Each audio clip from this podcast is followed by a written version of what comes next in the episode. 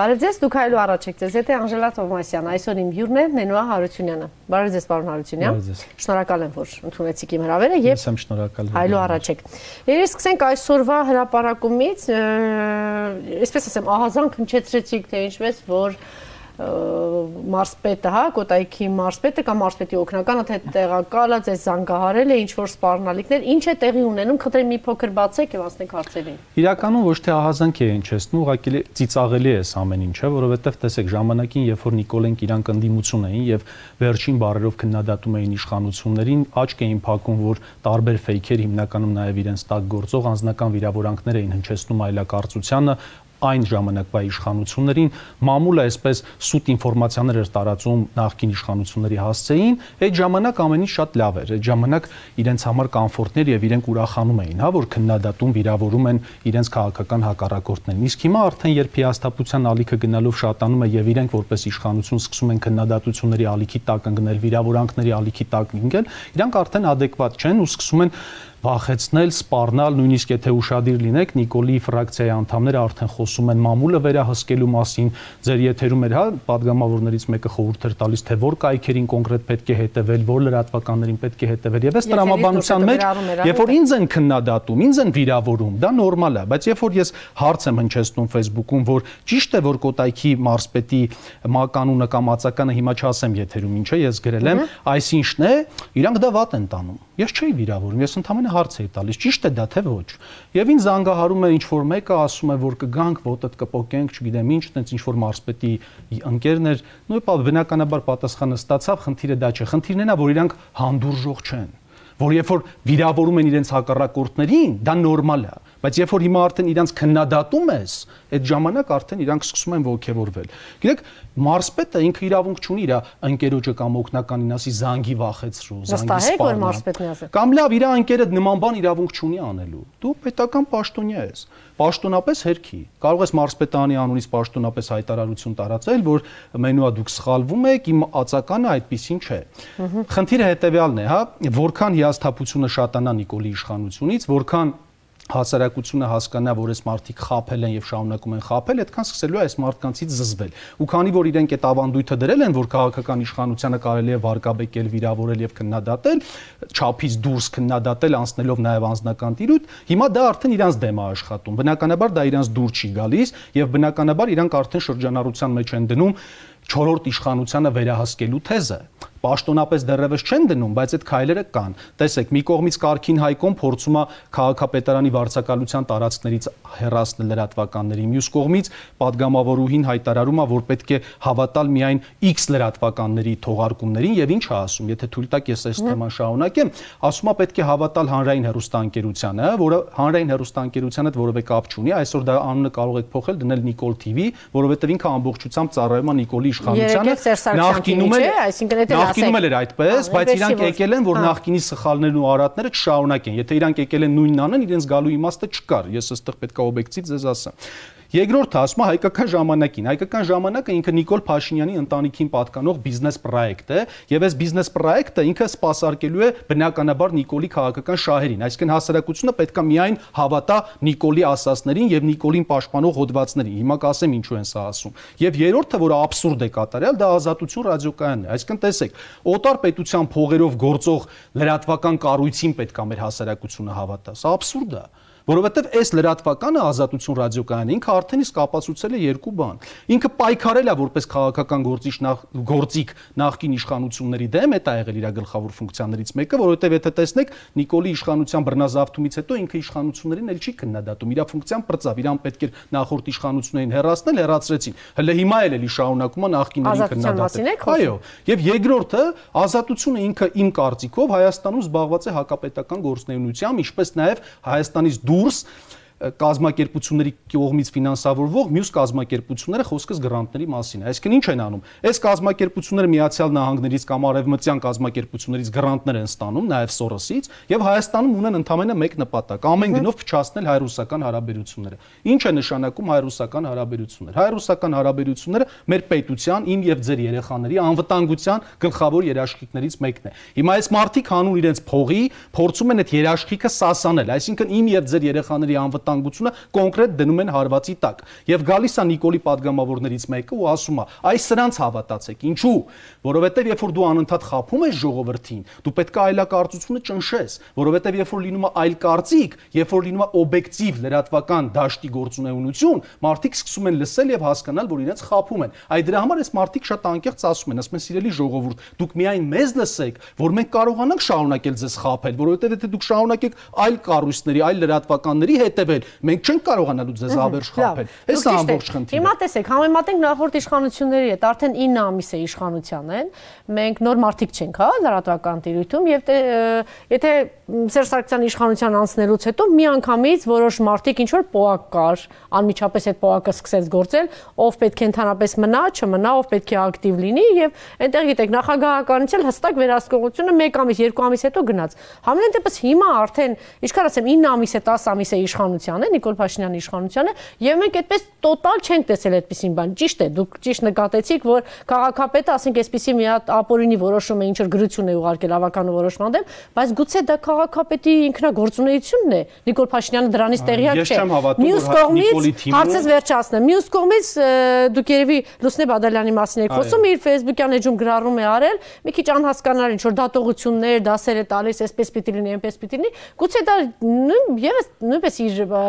անձնական այսպեսի բան է Նիկոլ Փաշինյանը տեղյակ չի դրանից։ Հաթաթաներ տալիս մամուլին, իր կիններ հաթաթաներ տալիս մամուլին։ Այստեղ ես ձեզ ասում եմ, խնդիրը շատ հասկանալի է իրանց ռեյտինգն ընկնում է, հասարակության աչքերը բացվում է, մարդիկ սկսում են հասկանալ, որ իրենց տոտալ խափել են եւ շարունակում են խափել։ Հետևաբար, պետքա այն լրատվական դաշտը, որը օբյեկտիվ ներկայացնում է իրականությունը եւ մարդիկ սկսում են դրա լրատվության արդյունքում սթափվել, պետքա ճնշել, փակել եւ ոչնչացնել։ Էսա խնդիրը։ Դուք վստահ եք, որ դրան հաջորդիվ այդպիսի գործողություններ գնալու։ Գիտեք, արդեն անում են։ Խի, ես ձեզ մի այսպիսի բան ասեմ, եթե մարդը Facebook-ում քննադատական հոդված է հրապարակում եւ տակը 100 հատ fake հայհոյում են այդ մարդուն, ամեն մարդ չի որ կդիմանա դրան։ դե, 12-ից չգրեն։ Դեմպես չէ որ նախկին իշխանությունների ժամանակ에 Մորացպարյանը ճուների մորացեք նախկինները։ Եթե նախկինները լինեին իդեալական, նրանք կմնային։ Հասարակության այն հատվածը, որը օգնել է Նիկոլին Բռնազավթոլի իշխանությունը, հենց բերել է Նիկոլին, որ նախկինների արատները չեն։ Եթե պետքա հանրայինը այն ժամանակ Սերժ Սարգսյանի միայն գովաբաներ, հիմա էլ Նիկոլին գովաբանի, հասարակության համար ոչինչ չի փոխվել դա նշանակումը։ Մյուսը, որ դուք հիմա ասում եք, այստեղ խնդիրը հետեւյալն է, ես ուզում եմ սա հատուկ ընդգծել։ Նիկոլին ու իր թայֆային թվումը թե ես կամ իմ նման մարդիկ են մեղավոր, որ իրենց վարկանիշը ընկնում է։ Մենք մեղ չունենք իրանք են մեղավոր։ Իրանք այնպես են աշխատում ու այնպիսի սխալ քայլեր են անում, որ հասարակությունը իրենցից հիաստափվի։ Այդտեղ քննադատողների իմ նման տղաների մեղքը չկա։ Ես ձեզ ուղղակի ուզում եմ հիշեցնել մի այսպիսի դրվագ։ Տեսեք, Նիկոլը գնացել էր Արարատի Մարս։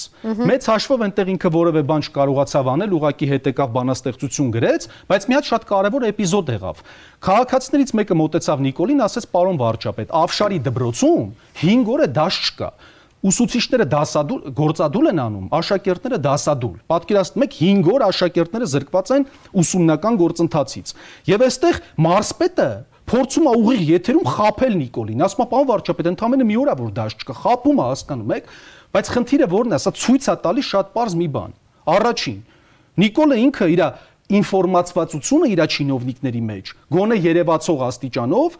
Այսպես 100%-անոց ինքը չի վերահսկում իշխանությանը, իր պաշտոնյաները իրան փորձում են խაფել, դա մենք ուղի եթերում տեսել ենք։ Սա նշանակում է, որ ինքը չի վերահսկում իր ապարատին, իր թիմին։ Երկրորդ մյուսների փոխանակ, ասենք, իրենց պալատից դուրս չէին գալի, այս մարդը գոնե գնվա գյուղը։ Բոլորն էլ դուս են եկել, ես հիշում եմ, որ օրինակ վարչապետ Անդրանիկ Մարկարյանը ուղակի հա։ գյուղերից հետ չէր գալի։ Մի հատ գնացեք ուսումնասիրեք իր ժամանակ ինքը ինչքան է եղել գյուղերում, բայց ինքը չէր նկարահանում այդ ամեն ինչը, շոու չէր անում, չէր գնում խանութից երկու հատ կանֆետ առնում, որ գյուղացիներից մեկը հենց մի հատ բարդ հարց տա կանֆետ տա։ Խնդիրը դա չի, ես ուրիշ բան եմ ասում։ Նիկոլի իշխանությունը այլևս հասարակական վերահսկողություն չունի։ Հասարակությունը չի վերահսկում այս իշխանությանը, հասկանում եք, եւ մյուսը Նիկոլը ինքը թքած ունի հասարակական կարծիքի վրա։ Այսինքն այն գլխավորագույն խնդիրներից մեկը, որ ինքը որպես ընդդիմություն ասում էր, որ պետքա իշխանությունը հաշվետու լինի ժողովրդին, ինքը այլևս հաշվետու չի, որ պետքա լսի ժողովրդի ձայնը, ինքը չի լսում ժողովրդի ձայնը։ Հաշվետու չի, որ գնում ուղիղ եթերում այդ ամեն ինչը կազմակերպում։ Այդ շոուները անում է հետա գալիս, բայց որևէ խնդիր չի լուծվում։ Ես հիմա ձեզ փաստերով կասեմ։ Հասարակության մեծ մասը դեմ էր ապարքեվավճարներին, եւ սա ենթադրում էր, որ եթե դու որպես վարչապետ լսում ես քո հասարակության կարծիքը, կամ պետք է ասեիր տարեք այդ փողերը հետ տվեք, կամ պետք է ասեիր այլևս չանեք այտենց բաներ, որովհետև մեր ժողովրդի մեծ մասը լավ չի ապրում։ Խիեք ձեզ միլիոնավոր դրամներով ապարքեվավճարներ տալիս, բայց տեսեք, չկա նման բան, այսինքն ինքը թքած ունի հասարակության կարծիքի վրա։ Մյուսը,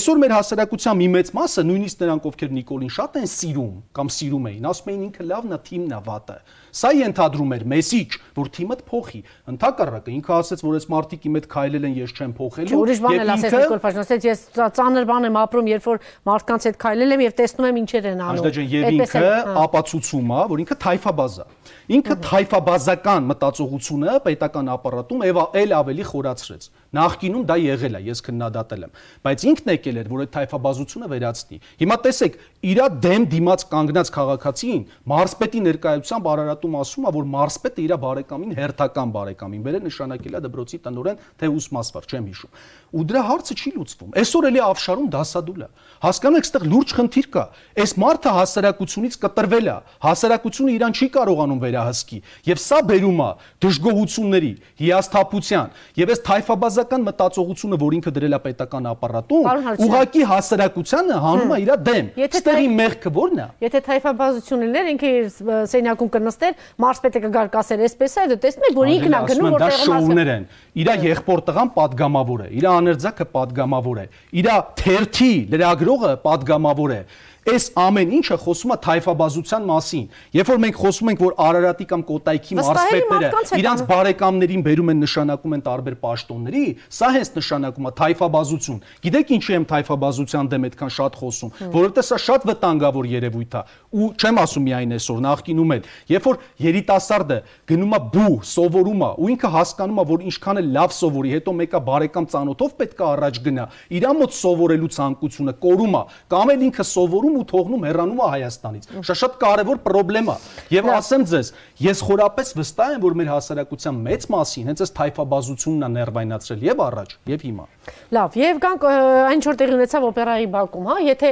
հիմա իրանք չքանդեին կամ այն հայտնի այդ սրճարանի ձեռ չտային, ես պատկասեմ դուք ինչեր կգրեիք ու կասեք, տեսեք, Նիկոլ Փաշինյանը կամ Թաղապետը կամ Հայկ Մարությանը չգնացին այդ սրճարանի վրա։ Մարդիկ հենց այնց առաջին հերթին գնացին են, այսպես ասեմ, հանրության մեջ այդ ամենաբան մեծ աղմուկ բարձրացել եւ խոցելի թվացողը հենց այդ սրճարանի վրա եւ ի պատիվ իրենց մեկ օր դիմատ կարողացան դիմադրել, չգիտեմ, բացատրեցին, ինչ արեցին, բայց հաջորդ օրը արդյունքում մենք այդ ամեն ինչը ունեցանք, միայն այն չէր վերացական խոսեցին եւ այդ արդյունքը չարզանալ։ Գիտեք, ախր այստեղ բարոյական կողմը կա, հա, այս խնդրի։ Օրինակ տեսեք, ինչ էր ասում կենտրոնի թաղապետ Վիցյան։ Ինքն ասում է օպերան սրբություն է, օպերան պետքա սրբորեն պահել, ոնց կարելի է այս խոտի վրա բետոն անել։ Բայց ինքը մոռանում է, որ այդ սրճարանի բետոնը իր աշկի առաջ է լցվել Ինքը այդ նույն կաֆեի վիպում նստած է եղել ժամանակին ու իր խավորին կամ իր հորքուրի տղուն չի ասել, այ ախպեր, օպերան սրբությունա, խիեք այդ բետոնը լցնում։ Իր աշկի առաջը կառուցվել այդ սրճարանը։ դե Հիմա իշխանությունը ով է ձեզ ասում։ Նախորդ իշխանությունների ժամանակի տարբերությունը ինձ եղել է բարձրաստիճան պաշտոնյա, եղել է ազգային ժողովի նախագահի Հովիկ Աբրահամյանի գլխավոր խորհրդականը։ Այդ ոնց ալնում էլի, որ այդ տղեկը բոլոր իշխանությունների մեջ լինում են ու սրբի դեմքով։ Հասկանում եք, ես հիմա ձեզ այսպեսի մի հատ բարոյական խնդիր բերեմ։ Երբ որ Նիկոլ Փաշինյանը բանտում նստած էր, նույն Վիցյան կամ Կարքին Հայկոն մի անգամ պերեդաչի տարել են Հայկ Նիկոլին։ Թե այն ժամանակ իրանք օրվա իշխանությունների հետ նստած խժում էին Նիկոլի վրա, որ բանտում նստած էր։ Հասկանում եք, չի կարելի նման բան, նման կերպով ամեն ինչ սրբապղծել։ Սա абսուրդ է։ Ստեղ տեղի է ունենում անձնական վրեժխնդրություն, անձնական վենդետա։ Ասեմ ձեզ, եկել է Հայկոն ինքը վրեժա լուծում Արտուր Ջանիբեկյանից, որովհետև ժամանակին Արտուր Ջանիբեկյանը իր աշխատավարձը կրճատել է։ Հայկոն Նիկոլ Փաշինյանին մի անգամ պերեդաչի տարել է, որ իրան թիմակից է համարյու, երբ որ Նիկոլը բանտում է։ Դա է չափանիշը։ Դա է չափանիշը։ Բայկարելը էլ է բայկարել։ Հայկոն էս իշխանության հետ աշխատում է դուրս եկավ այդտեղից։ Իշխանությունների մեջ եղել են։ Հենց իշխանությունը թույլացել է, պլստացը մտել է մյուսի տակ։ Գիտեք ինչ, իմ համար այդենց սկզբունքային չի, օպերայի։ Հայկոն տեղ հերոստանգերությունում աշխատում էր, ինչ որ մի պայցել են իշխանությունների սրտներեց կամ ինքը բան դուրս եկավ։ Այս քաղաքը շատ փոքր է։ Եվ շատ շատերը ձեզ կվկայեն, որ Սերժ Սարգսյանի իշխանության 10 տարիներից գոնե 7-ում Հայկոն Ռոբերտ Քոչարյանին մեծարելով ման էր գալիս։ Այսօր միացել է մի թիմի, որը դատում է վենդետա է անում Ռոբերտ որ ինքը նկատմամբ։ մեծ Հիմա դուք առաջի անգամ եք լսում, շատերը դա կհավաստեն։ Խնդիրը հետեւյալն է. Անձնական վրեժխնդրություն վենդետա պետք չի անել։ Այդ օպերան եթե սրբություն էր, այն ժամանակ չթողնեիք սարքեին։ Ես գնացել էի օպերայի հրապարակ ուրիշ բանի համար։ Ես գնացել էի, որպեսզի ոստիկանների եւ հասարակ քաղաքացիների միջեւ բախում չլինի։ Եվ ես հայտարարեցի այնտեղ։ Ես եկել եմ, որպեսզի մեր ոստիկանները եւ մեր քաղաքացիները չբախվեն։ Հետևաբար կոչ եմ անում Կարքին Հայկոին, թող չվախենա իր ժողովրդին։ Հայկ Թող գա, գիտեք ինքը Կարքին Հայկո էլ մնալու է իմ համար, որովհետեւ ինքը իր ամբողջ գործնեունությունը կառուցած է եղել հետեւյալի վրա։ Մեր բոլորի երեխաների բառապաշարը գրեհիկությամբ հարստացնելով փողը աշխատել։ Ինքը չի կարա իմ համար լինի քաղաքապետ։ Հիմա ես ձեզ ասեմ, այս տղեն վախեցավ գա շփվի ժողովրդի հետ։ Ինքը թողեց որ ոստիկանները եկավ։ ոստիկանները եւ քաղաքացիները բախվեցին, որովհետեւ քաղաքացիները պահանջում էին իրենց իսկ ընտրած քաղաքապետին։ Թող գար, բախի չեկավ, որովհետեւ իրանք սովորել են ոստիկանության հետևը թաքնված հարցեր լուծելուն։ Բայց այդ իրիգունը ո՞նց ժամանակ գտավ գնաց շոու արեց վիրավորված կնոջը տեսնելու։ Բայց այդ ժամանակը որտեղից գտավ։ Խնդիրը գիտեք ինչն է։ Այս մարդկանց մոտ մենակ տեսարաններ, շոուներ, ուրիշ իրական բան չկա։ Քանդենք, թանկացնենք, փնովենք, որևէ ռեալ բան չեն արել այս ամիսների ընթացքում։ Կյանքը թանկացել է ավելի աշխատատեղեր էին խոստանում տնտեսական թրիշկաձև։ Դե այնպես եք ասում, Հիմա այսօր իրանք աշխատատեղեր են սկսելու կրճատել։ Գյուղը գնացել է, դուք գնացել եք այս 10 Ես օրինակ գիտեմ ինչա պետք անել, եթե ինքը չգիտեր, չգիտեր, թող չձգտեր իշխանության, ո՞ր խնդրում, ինքը ամբիցիաներ ցուցաբերի։ Ոչ, դու պետք է իմանալով գաս իշխանության, ոչ թե գնաս նոր այդ ամեն ինչին տեղեկանաս։ Այսինքն մի 10 տարի էլ պիտի սպասենք, մինչև Նիկոլաս Ինքը գիտի, որ ավերակա, չէ, գյուղը Եվ մի չա տեսեք, ես կատարում։ օպերայից մի հատ շատ կարևոր դրվագ պետք է բերեմ։ Տեսեք, կենտրոնի թաղապետ Վիցյան ինչ է հայտարարում այդտեղ։ Ասում է Մենք 81% ձայն ենք հավաքել։ Նախ ես ուզում եմ իրան ասեմ, որ իրանք 81% ձայն չեն հավաքել։ Այդ էйֆորիայի պիկին Նիկոլի խաթր են Կարքին Հայկոին ընտրել։ Այդ պայն եթե Նիկոլը բաժակ դներ Հայկոյի փոխարեն, 80%. մարդիկ գնալու են ընտրեին։ Եվ երկրորդ, այո, մոտ 50%-ը քաղաքի չի մասնակցել ընտրություններին։ Եվ ամենակարևորը,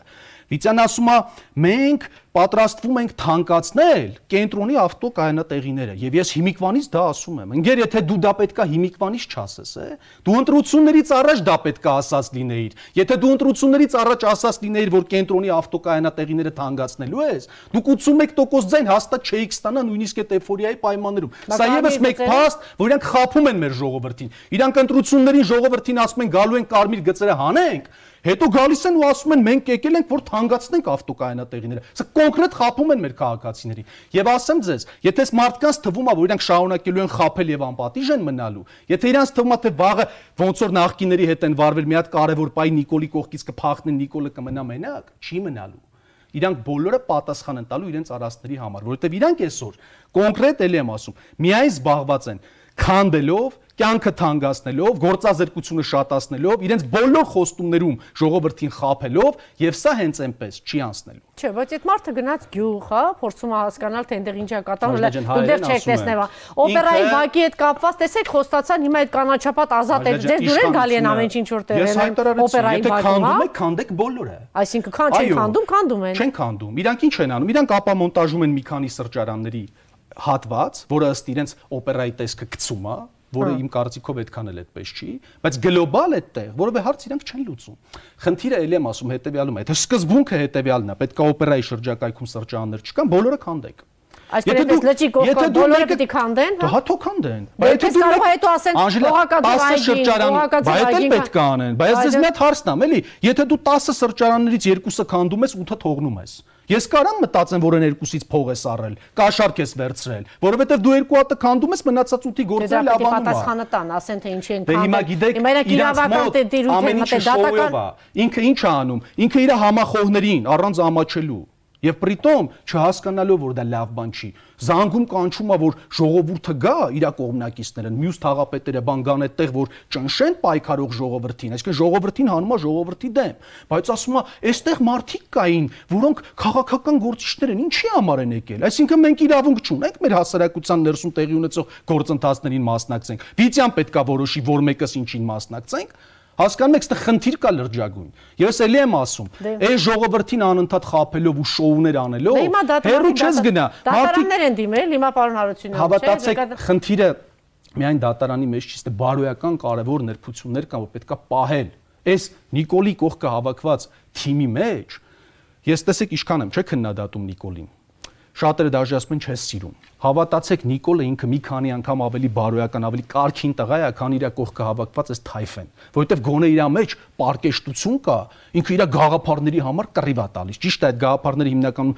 ստի, էֆորիայի եւ էլի sense չհիմնավորված արգումենտների վրա են կառուցված, բայց մեջը էլի մի քիչ ազնվություն կա։ Այս կողքի թայֆեն խայտարակությունն է։ Ու գիտեք ինչն է համար եմ ասում։ Այսինքն հայտնի բանն է։ Մի հատ sense դաշտ կա։ Պարոն Հարությունյան, հիմա ես հիշեցի Լևոն Տեր-Պետրոսյանի ժամանակ։ Լևոն Տեր-Պետրոսյանը լավն է, Վանոս Իրադեղյանը Ես սենց նման բան չասեցի։ Չէ, դե այն ժամանակ էլ Ես այդպես է։ նման բան Այս ինչը չասեցի։ լավն է, իր Ես- կողքինները։ Հիմա նույն Ես բանը չեմ ասում, ես ուրիշ բան եմ Լավն է, ասում։ Տեսեք, ես ինչ եմ ասում։ Ամեն իշխանության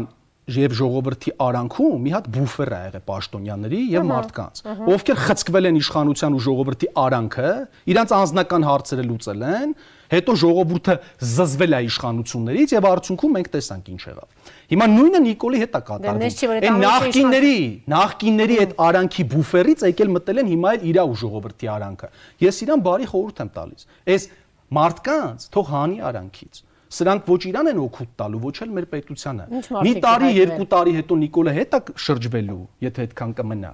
Ու կհասկանա, որ այդ Մարսան իրան ժողովրդի աչքերի մեջ վարկաբեկել է, որ ժողովուրդը իրան չի սիրում, այն նման չինովնիկների ու պատեհապաշտերի պատճառով, ովքեր բոլոր իշխանությունների ժամանակ եղել են այդ իշխանությունների տակ պարկած։ Ես ձեզ 100% դա ասում Դե եմ։ կներեք, հիմա այդ ազգային ժողովի ցուցակը, որ կազմում էր, ես վստահ եմ, որ այդ առանց Նիկոլ Փաշինյանի հնարավոր չէր։ Այս նշանակումները, որ ավականու ցուցակը կազմվում էին, այնտեղից մեկը քաղաքապետ է Աջլա գնում, մեկը ես քաղաքապետը առանց իր ընկերական, բարեկամական խորհուրդ եմ տալիս։ Ինչ որ մեկը գրել է, շրջապատ քեզ ընտրի, դե- որ հետո այդ դե- շրջապատի դե պատճառով չընկնես, որն ես չստացվի, որ աս- դե 7 դրա կամ համար 8 տարի Սերժ Սարգսյանի կողքը Դե կանգնած մարդիկ վերջի պահին փախանեկան քո մոտ։ Մի քանի տարի հետո քո կողից են փախնելու, բայց եթե հանկարծ հաջորդ իշխանությունը եթե ես դե- լինեմ, այդ դրանց էլ չեմ Բայց այնպես չէր, որ դուք եթե ասում եք «Այ, Լևոն Տեր-Պետրոսյանը լավն է, չգիտեմ, ընկերները սենց էին, այնպես չէր, որ Լևոն Տեր-Պետրոսյանը շատ տարբերվում էր իրենից։ Ես շատ հստակ ձևակերպեցի իմ միտքը։ Չգիտեմ, սենց ավելի էս ինչը, բայց թիմում տեսեք Ես ովքեր շատ կա։ հստակ, իմ Այնպես չի, որ թիմը- մարդը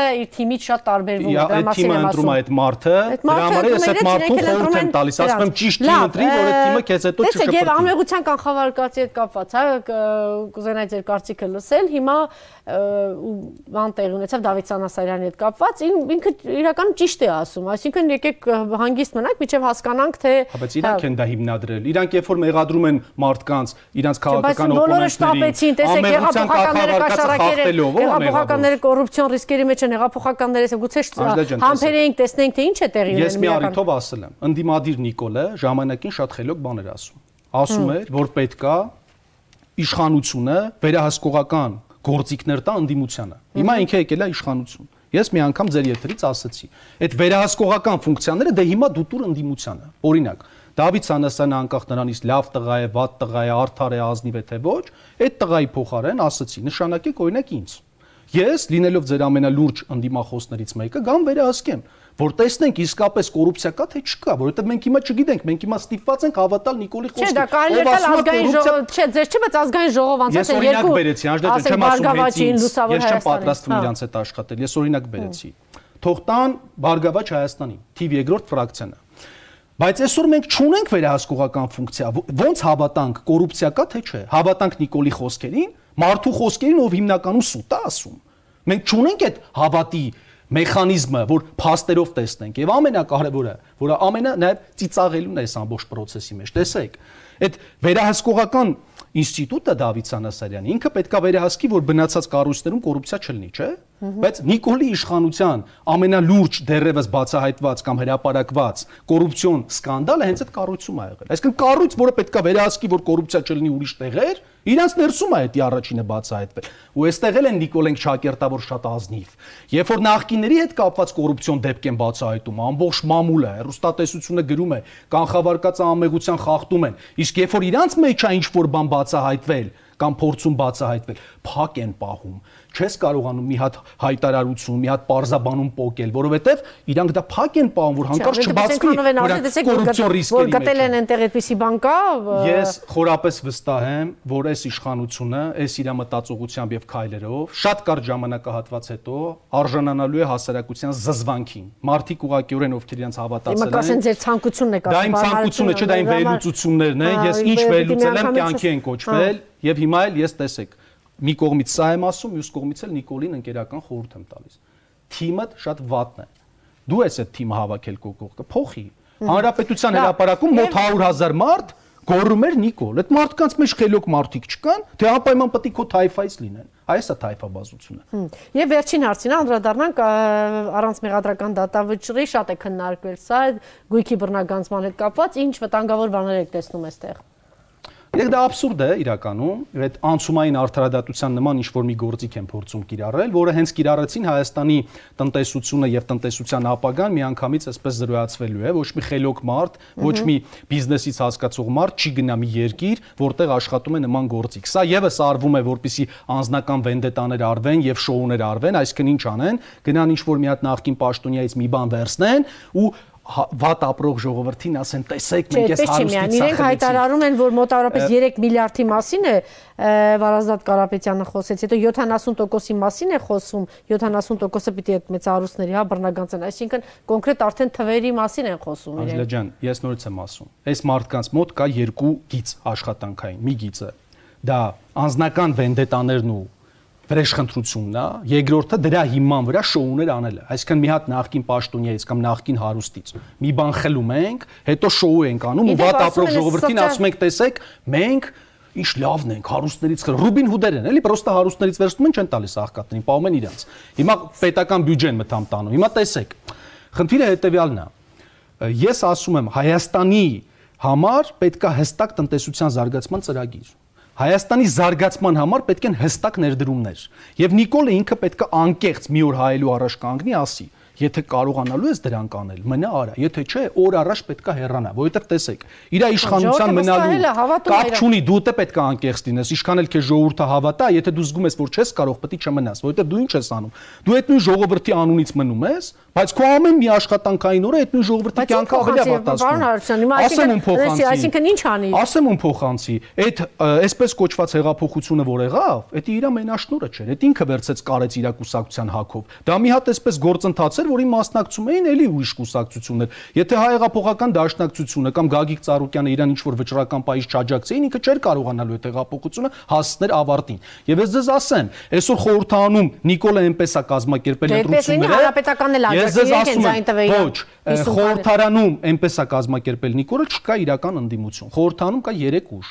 Այդ 3 ուժերն էլ ամեն մեկը ինչ որ ձևաչափով մասնակցել են այսպես կոչված հեղափոխությանը։ Եթե դա իր մենաշնորը չի, այդ ինքն է կարծում իր մենաշնորն է։ Եթե ինքը զգում է, որ չի կարողանում, շատ հանգիստ կարա այդ կառավարումը վարչապետի աթոռը փոխանցի օրինակ Գագիկ Ծառուկյանին։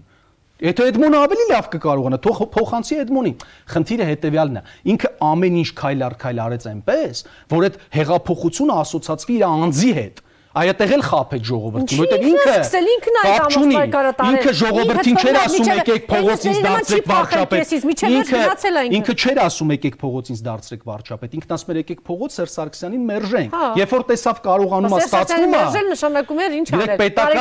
նվիրել։ Պետական մտածողությամբ մարդը իսկ Նիկոլը պետական մտածողություն չունի։ Երբ որ Սերժ Սարգսյանին մերժեց, վերջացրեց, ինքը պետքա կանգներ ու ասեր ժողովուրդ, մենք այս նպատակի համար ենք հավաքվել։ Ես թույլ չեմ տալու փողոցով հեղափոխություն, որովհետև դա երկիրը թույլատնելու է։ Դուք սկսելու եք ավելի վատ ապրել։ Մենք ունենք խորհրդարան, որը ունի հանրապետական մեծամասնություն, որի արդյունքները ես էլ եմ ընդունել, Նիկոլ ինքը ընդունել է, մանդատը ստացել գնացել նստել է այդ խորհրդանում, ասել է, որ այդ ընտրությունները եղել են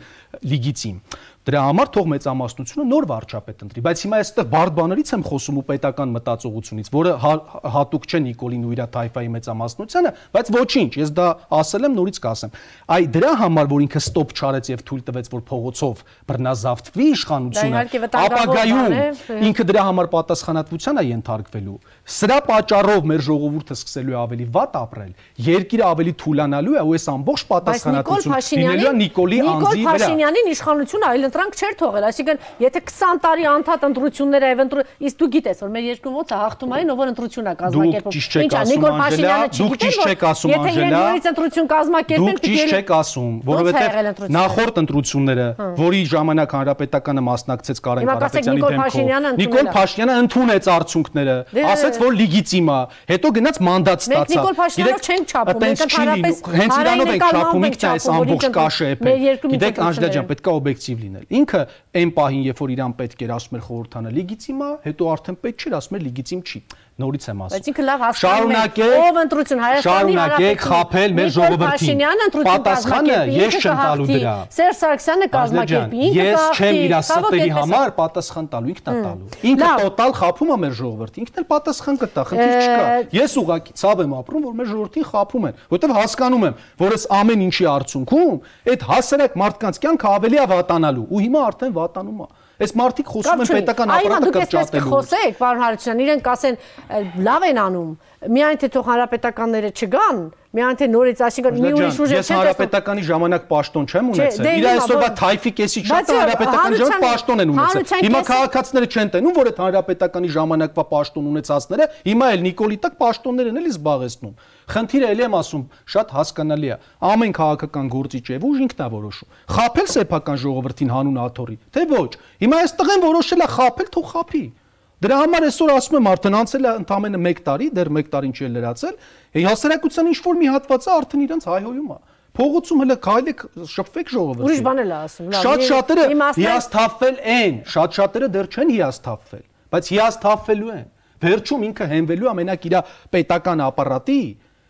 եւ այդ պետական ապարատում այսպես իրա դրած թայֆի վրա դրա համար է ինքը պետական ապարատը տենց ձգում ու լցնում իրա թայֆով որ երբ որ ժողովրդի սիմպաթիան կորի ինքը արդեն տեղ չի ունենալու կանգնելու փախնելու է ու կանգնելու է պետական ռեսուրսի վրա դրա համար պետական ռեսուրսը լցնում է իրա թայֆով տալիս է ապարքեվավճարներ, որ այս մարդիկ իրանց պաշտոնը չկորցնելու համար, բարձր աշխատավարձը չկորցնելու համար վաղը իրան պաշտպանեն։ Ումնից պաշտպանեն։ Այն ժողովրդից, որին դու խոստանում էիր ոսկե սարեր, Էսա աբսուրդը։ Ու մեր ժողովուրդը իսկապես մեղ կա, նման դեմագոգ, պոպուլիստ, անհայրենիք ու պետական մտածողություն ունեցող մարդկանց ձեռքը։ 1 տարի առաջ ինքը ուներ տոտալ վստահություն Համենայն դեպս այդպես էր երևում։ Հիմա այդպես էլ չի երևում։ Եվ համացանցում է այդ տպավորությունը փոխվել եւ հասարակության մեջ։ Ես ամբողջ օրը ժողովրդի մեջ շփվում եմ։ Մարդկանց մեծ մասը փողոցում արդեն։ Սկսելու մենք տեսանք հա, որ մեկին այնտեղ խցում հիվանդ մարդու նկարեցին, մյուսին վիլիսով են, այդպես ցույց են տալիս, հիմա դատական գործերը սկսելու են ձեր տպավորությամբ ինչ ուղությամբ է գնալու։ Այդպիսի դատավոր չկա, որ իմ ասածը չանի։ Դե որովհետեւ գլուխները մենք տեսանք դատավորներ, որ ուրիշ կարծիք։ Հիմա գիտեք, այս դատավորների դատավորների նկատմամբ Նիկոլի խոսքերը, այդ վերծանությունները լսելուց հետո արժի նման հարց տալ։ Հայաստանում չկա արդարադատություն։ Այդտեղ եւս կառուցված է անձնական վրեժխնդրության եւ մեկ անձի կողմից կառավարման գործընթացի վրա։ Մենք տեսանք, թե ինչպես հասարակության պահանջով գեներալ Մանվելի կալանքը փոխեցին։ Այսինքն սա գիտեք ինչա նշանակում, որ վաղը դու կարաս մի 1000 հոկանոց բունտ կազմակերպես, ինչ որ մեկի նկատմամբ ստեղծես ատելություն եւ գնան այդ մեկին կալանավորեն, որպեսզի չմնա դրսում։ Հիմա տեսած մենք հասարակական պահանջով առաջնորդվում։ Միտեղ էլ ասենք հասարակական պահանջի վրա կացունի պահանջեցին, որ տվել էին, հա, այնտեղ գումարներ էին լրացիչ աշխատավարձեր տվել, բանի տեղ չդրեցին։ Տարբերությունը ակնհայտ չի։ Հասարակական կարծիքը քաղաքական ինստիտուտների վրա պետք է աշխատի, ոչ թե իրավական։ Հասարակությունը պետք է քաղաքական պահանջներ դնի քաղաքական իշխանության առջև, ոչ թե իրավական համակարգի առջև։ Սա է տարբերությունը։ Քաղաքացին այո պետք է դուրս գա փողոց, ասի պարոն վարչապետ, դու ասել էիր, որ կարմիր գծերը հանելու ես։ Ես քո կենտրոնի թաղապետը ո՞նց է թանգացնում կարմիր գծերը բայց չի կարա դուրս գա փողոց, ասի մի րոպե պարոն վարչապետ։ Շենքերի վրա պիտի լինի, հա։ Գիտեք, այդ խնդիրն էլ հեսա կհանքենք, այդ խնդրին կհասկանանք ինչա կատարվում։ Այդ մարդիկ ովքեր մանսարներից են խոսում, այս քաղաքի առաջի մանսարները իրանք են ունեցել։ Ու ելի այդ ժամանակ տենց շատ սիրելով Երևանը, Երևանի տեսքի մասին անհանգստանալով ունեցել են։ Ուզում եք ասեք, այսօրվա թաղապետը ունի այդպես։ Իհարկե ունի։ Ունի։ Եվ ասեմ ձեզ ավելին, երբ որ ժամանակը գա ինքը կասի, թղթերը բոլորը կա իմ մոտ։ Գիտեք ինչի կա, որովհետև ինքը բոլոր իշխանությունների հետ լավ ա եղել բոլոր իշխանությունների հետ աղբերություն է արել ու կարողացել է այդ ամեն ինչը լուծի։ Ու այստեղ շատ կարևոր հարց է առաջանալու։ Երբ որ կլինեն մարդիկ, ովքեր կունենան թղթեր, իսկ կլինեն մարդիկ, ովքեր ոչ։ Ես անկեղծ կասեմ, կարող եք կաշառքով եք այդ թղթերը սարքել, կարող բարեկամական կապերով եք սարքել ձեր խավորների ու սանիկների միջոցով։ Ու այն մարդիկ, ովքեր չեն ունեցել այդ փողը, որ տան օրինականացնեն կամ կապերը, հիմա դրանցը պետք է քանդեք ձերը պահեք։ Սա շատ կարևոր Սա շատ կարևոր բարոյական խնդիր է։ Այդ մանսարդների տակ ընտանիքներ են ապրում։ Դրանք օջախներ են։ Եվ եթե հանկարծ մեկի օջախը մտան ու քանդեցին, այդ դրա պատասխանը լինելու է անznական, համաչափ, որ այդ մարդիկ էլ գնալու են իրենց օջախները քանդեն ու լավ են անելու, որովհետև ելի եմ ասում, իշխանությունը վերցնել եւ քմահաճույքի ու անձնական վենդետաների համար օգտագործել, ես ամենայն դեպս թույլ չեմ տալու։ Ես ձեզ ուզում եմ վերջում մի բան ասել։ Եթե 18 տարեկան մեր տղաներին տարել ենք սահման, իրանք իրանք կյանքը վտանգելով այս երկիրը պաշտպանում են, իրանք կյանքը ամեն վարքյան կարան զոհեն, Ես հավատացնում եմ ձեզ։ Ես էլ իմ կյանքը կարամ ամեն վարքյան զոհեմ իմ քաղաքում, իմ պետության ներսում, որ այդ տղաների թիկունքը ամուր պահեմ, որտեղ ես իմ կյանքը այդ տղաների կյանքից վերջ եմ դասում։ Շատ լավ։ Մնաց որ միայն հավատան ես ձեր խոսքերին։ Ես չեմ ասում, որ հավատան, որովհետև ես ամբիցիաներ չունեմ, որ ինձ հավատան ընտրեն ինձ վարչապետ։ Ես անկեղծ ասում եմ այն, ինչ որ սպասվում է ապագայում։ Ես վերլուծում եմ։ Պարոն Հարությունյան, Ես եմ շնորհակալություն։ շնորհակալ։